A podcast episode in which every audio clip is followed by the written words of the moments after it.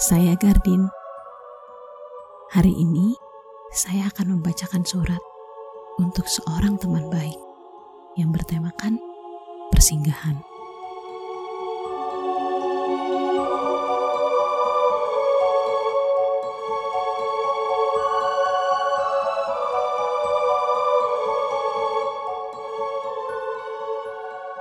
Dear kamu, apa kabarnya hari ini?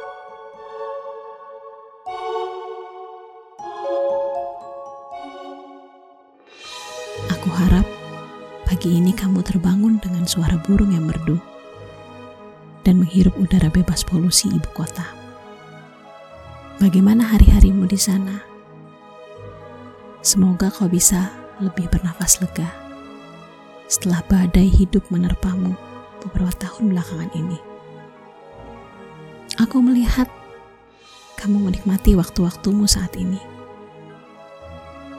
Kamu terlihat nyaman dengan hidupmu sendiri. Dan aku senang melihatmu kembali tersenyum dari murungmu yang berkepanjangan. Benar, peluklah dirimu lebih sering. Cintailah dirimu lebih banyak. Pergi tidur.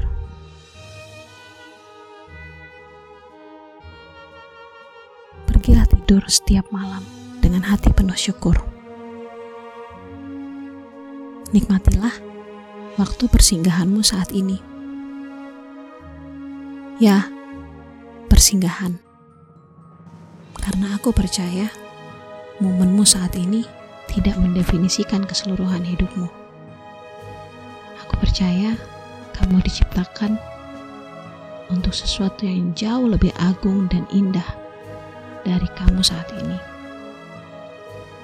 Tetapi, manfaatkanlah momen persinggahanmu ini. Manfaatkanlah momen ini untuk kamu bisa menghargai dirimu dan perlahan menerima dirimu yang selalu kau ingkari. Tempat persinggahan adalah tempat kita bisa menghirup jeda dengan leluasa, mengisi daya di dalam jiwa, bertemu dengan lebih jujur, bertemu dengan diri kita dan pencipta kita.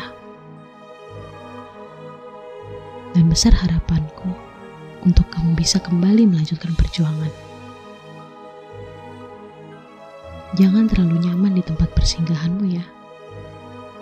Karena hidup telah menunggumu dengan berbagai kejutan manisnya. Sampai berjumpa di ujung lorong tempat aku menyambutmu pulang. Salam teman baikmu, Gardin.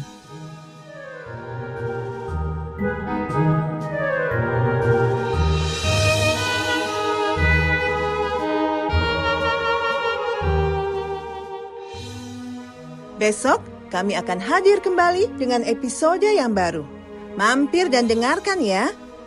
Karena semua orang bisa menulis dan semua penulis butuh komunitas.